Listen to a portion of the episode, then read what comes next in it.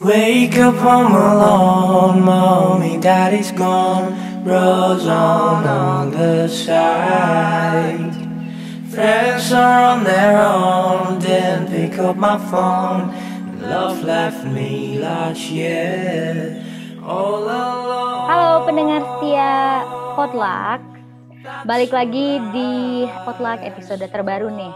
Sebenarnya sih kalau Potluck kan idenya semua orang boleh bawa bahan diskusi apa pun, boleh menyajikan menu apa pun gitu. Jadi kita juga sebagai uh, host senang banget kalau misalnya tiba-tiba ada isu menarik yang baru gitu yang yang bisa kita bagikan ke teman-teman. Nah, hari ini tuh isunya cukup menarik ya. Poros maritim dunia. Mati atau mati suri.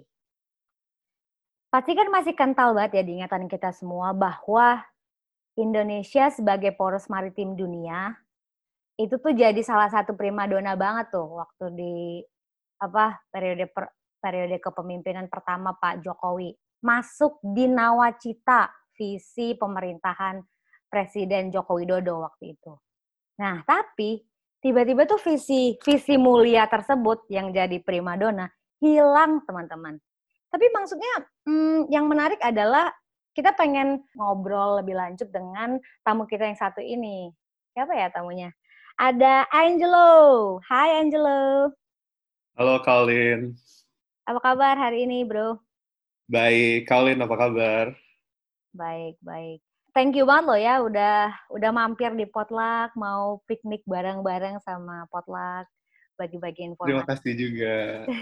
Jadi sebagai informasi ya Angelo ini teman dekat saya juga. Nah, kita kenal waktu kapan ya? Kita gue gue sampai lupa. Uh, gue ingat, gue ingat. Erasmus. Erasmus, yes. Kita sama-sama menjadi awardees dari beasiswa Erasmus Mundus. Uh, dari awal kenal Angelo ini, waktu itu dia masih kuliah ya di International Relation, salah satu universitas terkenal di Indonesia. Gimana tuh? Jogja ya? di UGM. UGM ya, siap. Kampus nah, siapa itu? kampus kampus kita, baik. Baik, kampus kita bersama. Tapi emang apa ya, Angelo ini emang sejak dia kuliah, he already showed his interest in international relations and I would say he's a an international relation enthusiast. Would you say the same? I am a, an international relations enthusiast, even yes. though I'm not working in the field right now. It doesn't matter, I mean. Tapi yeah. uh, sekarang sibuk apa nih? Sekarang gue kerja di Bank Dunia sebagai konsultan ah. di grup Bank Dunia sih sebenarnya, karena hmm. di Bank Dunia itu kan ada beberapa uh, istilahnya mungkin anak perusahaan gitu. Hmm. Uh, gue kerja di salah satu anak perusahaannya grup Bank Dunia. Mantap deh. Pokoknya thank you banget ya udah udah datang kali ini. Jadi yang menarik banget nih untuk didiskusiin ya Angelo sekarang. Lo inget nggak betapa hangatnya waktu itu digaungkan visi Indonesia sebagai poros maritim dunia? Ingat banget dan waktu itu kayak pas banget baru mau masuk kuliah HI. Jadi waktu itu kayak masih hot banget ketika hmm. Jokowi ngumumin segala macam. Hmm. Terus itu jadi banyak ada diskursus di hubungan internasional di Indonesia terutama waktu itu. 2014 yeah. 2015 ya. Eh hangat banget ya. Maksudnya bagi bagi lo sebagai orang yang pada waktu itu belajar tentang hubungan internasional gitu ya kayak ini tuh sebenarnya idenya bagus banget gak sih kayak as theoretically speaking it's a really good vision. Hmm. Tapi tuh sekarang gue nanya deh, menurut lo selama periode pertama dulu apa ya yang udah dilakukan pemerintah menurut lo nih sebagai international relation enthusiast? Jadi kalau poros maritim dunia itu kan diumumkan ketika Jokowi pertama kali dia jadi presiden 2014 akhir lah ketika hmm. dia setelah diinaugurasi dan segala macam dan ada hal yang perlu diketahui ada, ada eh, ada hal yang penting ini poros maritim dunia itu memiliki dua dimensi dimensi yang pertama adalah dimensi domestik dimensi yang kedua adalah dimensi luar negerinya nah right. uh, we will get into that later yes. cuman waktu itu uh, yang kelihatan sekali bahwa dia ingin memproyeksi ini di bagian luar negerinya itu adalah ketika dia mengumumkan hmm. poros maritim dunia di East Asian Summit. Yes. Waktu itu di Myanmar. Yes, Jadi dia memang pengen memproyeksikan itu sebagai grand strategy gitu. Jadi memang visinya sebenarnya sangat bagus dan dia kan intinya adalah konektivitas segala macam. Jadi yes. dia pengen menjadikan Indonesia itu karena keuntungan geografisnya Yes. jadi poros maritim dunia. Yes. Tapi sebelum kita bahas lebih lanjut ya, kayak oh kok tiba-tiba hilang gitu. Sebenarnya poros maritim dunia atau dalam bahasa Inggris itu Global Maritime Fulcrum itu menurut lo apa sih? Terus misalnya kenapa sih kita harus bahas hal itu? Eh, kalau kita ingat founding fathers kita itu kan selalu bilang oh Indonesia itu ada di antara dua benua dan di antara dua samudra. Ya itu di pelajaran Sebenarnya- SD nggak sih kayak gitu? Iya. Nah, ketika kita dari SD sudah dikasih informasi seperti itu, lalu ada seorang presiden yang mencoba untuk meng- mengeksplor that idea further dan membuat sebuah grand strategy yang sangat cantik dan sangat rapi, semakin tertarik lagi dong. Bagaimana Indonesia yang adalah sebuah negara kepulauan, Ya. itu mereka dia pengen memproyeksi dirinya sebagai poros maritim dunia karena keuntungan maritim lokasi di antara dua benua dan dua samudra yang sangat strategis ini. Ya. Terutama karena shipping lanes juga lewat negara kita. Kira-kira the idea is revolving around that. Kira-kira lo bisa kasih pandangan lain tentang manfaat dari kita berada di poros maritim dunia itu apa? Uh, actually, you're touching upon something that is very interesting.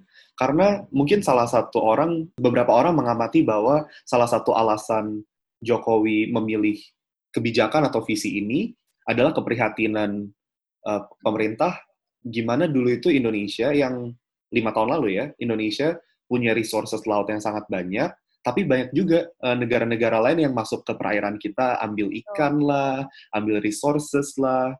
Terus uh, di utara Natuna itu kan ada Laut Cina Selatan. Di situ juga banyak negara punya overlapping claims. Nah, meskipun Indonesia ada bukan merupakan negara yang punya claim di dispute di situ, cuman penting juga untuk memiliki proyeksi profil maritim yang kuat Ya. biar negara lain nggak dalam tanda kutip macem-macem sama kita. Ya. Nah, itu sebenarnya salah satu alasannya juga. Kita lanjut dulu ya Hmm. Eh, dengan kesiapan Indonesia sendiri. Jadi Hmm. waktu menurut lo waktu di periode pertama dulu, oke visi udah all out nih. Kita pengen kita punya visi bahwa Indonesia akan menjadi poros maritim dunia. Tapi menurut lo siap nggak? Pada waktu itu kita punya perangkat negara yang mumpuni nggak? Sebenarnya eh, ini baru banget nih tadi pagi gue lihat kayak meme, bukan meme sih, lebih kayak Hmm. kartun gitu di Instagram. Jadi Hmm. ada orang, dia ada di tengah-tengah pendakian dia ke atas gunung. Hmm. Dia ngeliat ke atas, dia bilang, oh shoot, it's so far away. Dia lihat ke bawah, ternyata dia juga bilang, oh shoot, it's far away. Yes. Nah, per- perspektif kita itu kan ke mana gitu? Apakah Betul, kita betul. ngeliat ke atas, ke tujuannya, apa kita lihat ke bawah, ke foundationnya? Betul, betul. Eh, Indonesia 2014 ada di tengah-tengah itu. Jadi di satu sisi pemerintah dari dulu sudah mencoba untuk membuat dis- diskursus bahwa oh Indonesia adalah negara maritim, tapi ngomongin perangkat memang mungkin belum setergaungkan itu gitu. Mm-mm. Baru ketika itu uh, ad- akhirnya diperkuat ada Kemenko Kemaritiman, Ya. lalu Pak Luhut dimasukin, lalu uh, diperkuat juga uh, Kementerian Perikanan segala macam. Oh, ada Bu. Susi dulu ya? Iya, terus akhirnya dibuat Satgas uh, 115 dan ada penguatan peran Bakamla segala macam sebagai Coast Guard. Nah, Ya. itu berjalan sedikit demi sedikit tapi akhirnya sudah mulai kelihatan. Meskipun tidak sempurna, perkembangan yang sangat bisa dipuji, yang laudable setelah ada visi ini sebenarnya. Oke. Terus eh, mungkin kita selanjutnya bahas tentang kira-kira dari hubungan diplomasi gitu ya dari dari sisi kebijakan luar negeri nih. Untuk di periode pertama itu apa sih yang mendorong majunya atau tercapainya visi ini? Kalau dibilang dari internal, Hmm. sebenarnya kan Kementerian Luar Negeri lebih fokusnya waktu itu kan rame Indonesia masuk ke UNSC, Indonesia masuk ke Hmm. UNHRC gitu. It doesn't really contribute to Indonesia's quest to be the global maritime fulcrum. Cuman dari sisi eksternal malah yang kalau menurut gua itu Ya. membentuk dan kayak mem- membenturkan uh, kepentingan-kepentingan yang ada dan Hmm. malah membentuk dan mengarahkan visi ini. Jadi waktu itu 2017 Donald Trump bikin pidato yang terkenal banget. Dia ngomongin Indo-Pasifik. Jadi Mhm. kalau kita tahu dulu itu ada Asia Pasifik, itu dari Amerika Latin, putari eh, dia memutar sampai Australia, memutari Pasifik. Sekarang Amerika pengen memperluas jangkauan the Pacific ini, jadi Indo-Pacific sampai ke Samudra Hindia. Uh, Di sisi lain, kenapa ada ini? Karena China itu dia membuat the Belt and Road Initiative. Dia ingin menghubungkan kembali Eurasia dari China ke Eropa melalui uh, Economic Belt dan Maritime Silk Road, yang itu dinilai sebagai sebuah geopolitical vision oleh Amerika. Sehingga Amerika pengen ngebalance China dengan itu. Iya. Posisi itu di mana? Posisi Indonesia dan Global Maritime Fulcrum ini sangat strategis secara geografis. Kita itu both ada di hatinya, ada in the heart of Indo-Pacific, Yes. and in the heart of the Belt and Road Initiative. Jadi kalau dilihat malah sebenarnya the driving force yang harus kita syukuri itu malah dari sisi eksternalnya. Iya. Wah, ini eksternal aja udah mendukung ya, bro. sebenarnya. Harusnya seperti itu. Tapi kenapa sih? Sebenarnya tuh gue kaget banget sih waktu itu kayak tiba-tiba hilang gitu, sama sekali. Iya. Even the word maritime it Hmm. was not there. Kita kayak emang harus bahas deh. Sebenarnya Indonesia sebagai poros maritim dunia ini mati atau mati suri sih? Karena kan gue sih penasarannya gini ya. Masa sih eh, dengan dengan presiden yang sama ada visi yang sebenarnya emang udah bagus banget dan waktu itu jadi primadona hilang sama Hmm. sekali. Itu tuh ada nggak sih kira-kira dari kalau waktu lo belajar HI dulu Hmm. tuh ada nggak sih cara untuk menganalisis kenapa sih ini tiba-tiba hilang? Nah, sebelum kita menjawab ini mati atau mati suri, mungkin kita obrolin sedikit uh, sekalian belajar-belajar dan mengulik materi kuliah lagi. Harus gitu Eh, dong. Iya. Ada namanya foreign policy approach, pendekatan kebijakan luar negeri. Uh, Ya. Jujur gue nggak tahu bahasa Indonesia yang bener apa, Nggak apa-apa, karena- gitu aja. Iya. karena waktu itu nggak nggak pernah belajar dengan term bahasa Indonesia. Iya sih. Tapi ini jadi ilmu baru loh. Kuli bisa berguna ini ya. Dan ini semoga bisa diaplikasikan di topik-topik lain, bukan hanya untuk melihat hal ini, karena ini sangat Betul. universal harusnya. Jadi kalau di foreign policy approach ini sebenarnya ada banyak sekali pendekatan-pendekatan atau kacamata-kacamata di eh, yang bisa dipakai untuk melihat di sebuah kebijakan luar negeri dan pembentukan kebijakan luar negeri. Ya. Cuman uh, for the sake of simplicity, kita coba pilih tiga yang highly cited dan highly used in international relations ya.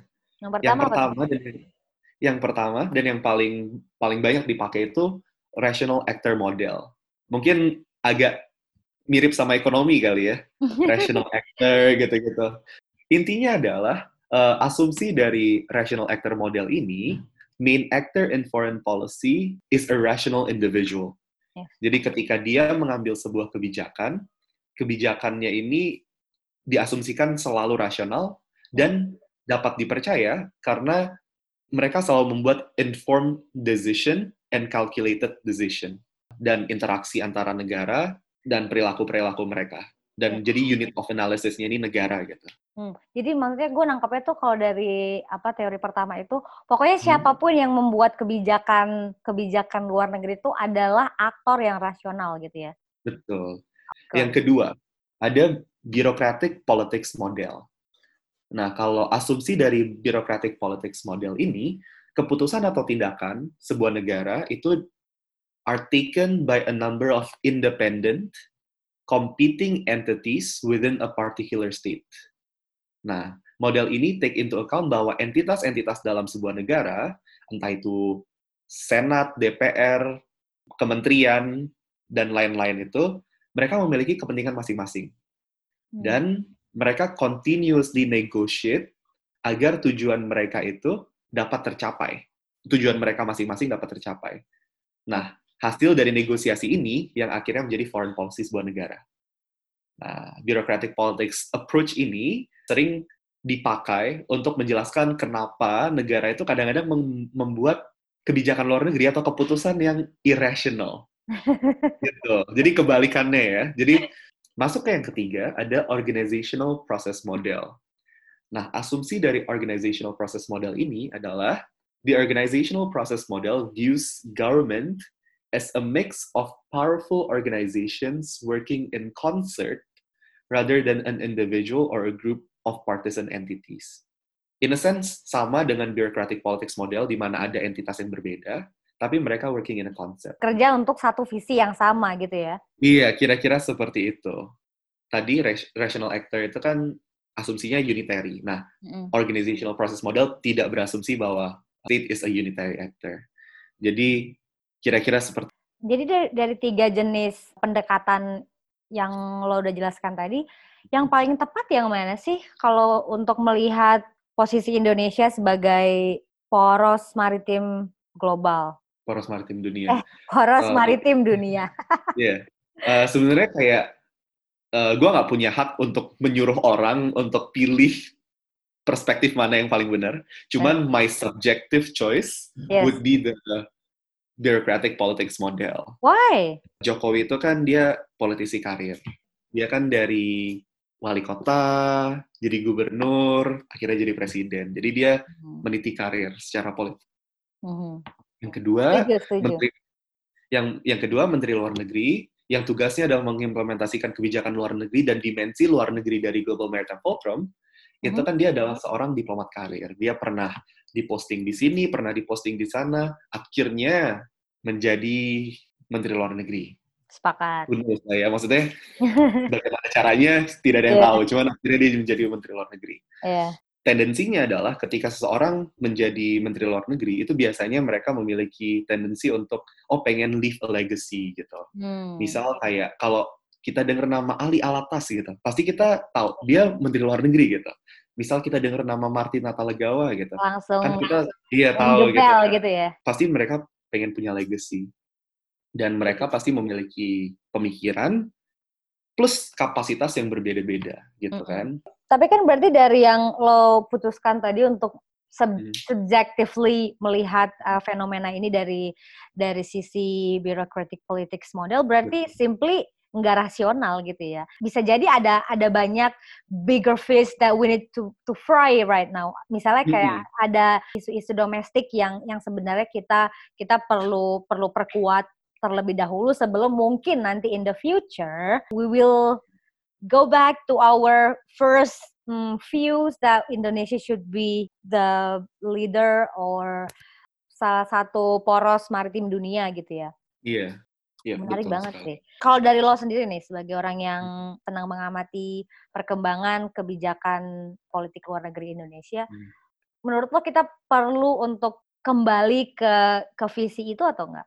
Sebenarnya kalau perlu atau enggak, secara pribadi pasti perlu dan pengen melihat Indonesia seperti itu kan. Indonesia Hmm. menjadi leader in the region. Karena sebenarnya kita itu udah punya modal yang sangat bagus. Modal kita itu kita memiliki posisi, kita memiliki peran yang sangat strategis di ASEAN. Mm-mm. Di mana kalau dilihat ASEAN itu sebenarnya kalau kita mau melihat secara egoistis ya kayak Indonesia itu ada di hati Iya, Indonesia itu Di is in the heart of ASEAN gitu. So basically, geographically, we are so lucky. We're in the heart of everything. We're in the heart of ASEAN. We're in the heart of the Belt and Road. We're in the heart of the Indo-Pacific. Cuman, how do we capitalize on those modalities that we already have, gitu kan? Iya, Jadi. Sebenarnya kalau pengen atau perlu, pasti jawabannya pengen banget melihat Indonesia untuk seperti itu. Yes. Gue senang banget sih sama optimisme-optimisme kayak gini. Karena kalau bukan kita yang optimis, siapa lagi bro? Ya nggak? Betul sekali. Aduh. Betul Terus- sekali. Gue gue sebelum kita mengakhiri nih, kayaknya Hah? gue pengen pengen tanya, eh, ya Hmm. Apa nih kira-kira kesimpulan yang bisa kita ambil dari diskusi hari ini? Oke, mungkin gue nggak akan kayak gue nggak akan jadi dokter yang menganalisa postmortem kayak oke global maritime fulcrum mati atau mati suri nggak. Yes. What will I do? Uh, karena tadi kita udah membicarakan toolsnya untuk melihat ini. Nah, kita mengembalikan ke pendengar kira-kira menggunakan tools yang sudah kita tawarkan tadi bagaimana melihatnya. Kalau dilihat dari visi lima tahun ke belakang, ketika Jokowi periode satu itu kan ada lima uh, visinya yang tadi ada maritime culture, maritime resources, maritime infrastructure, maritime diplomacy, dan maritime defense.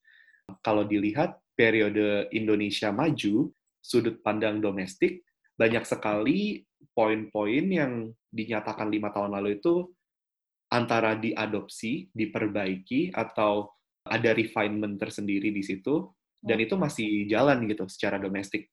Ada beberapa hal yang masih jalan and that is very good gitu. Cuman emang dari kebijakan luar negerinya jadi tidak terlalu terlihat karena sudah jarang digaungkan. Jokowi juga udah nggak sesemangat itu waktu itu kan dia belum kayaknya belum ada sebulan deh waktu dia pertama di inaugurasi terus dia langsung pergi ke Myanmar. Yeah. dia pidato di depan belasan pemimpin negara gitu kan wah kita mau jadi poros maritim dunia. Dan memang tahun lalu kira-kira bulan Juni 2019 Jokowi bilang di interview ke Jakarta Post bahwa ini kata-katanya ya I Mm-hmm. quote the thing is there are much more pressing domestic issues that need to be dealt with. I think domestic affairs require more attention. Jadi whether or not Global Maritime Fulcrum ini mati atau mati suri, kita bisa melihat bagaimana janji yang diberikan 5-6 tahun yang lalu ini dimanifestasikan di domestic and foreign policy saat ini. Wow, thank you banget ya Angelo. Gue jadi lebih paham nih dan punya lebih banyak insight ya tentang melihat kebijakan luar negeri dari dari beberapa pandangan yang lo sampaikan tadi. Kita dari Potluck thank you banget ya udah udah datang di di Potluck jangan jerak. Thank you banget loh, udah diajakin potluck bareng. Kan membawa makanan tapi juga makan. Thank you. Okay, thank you so much, Colin. Mommy, daddy's gone. Rose on on the side. Friends are on their own. Didn't pick up my phone. Love left me last year.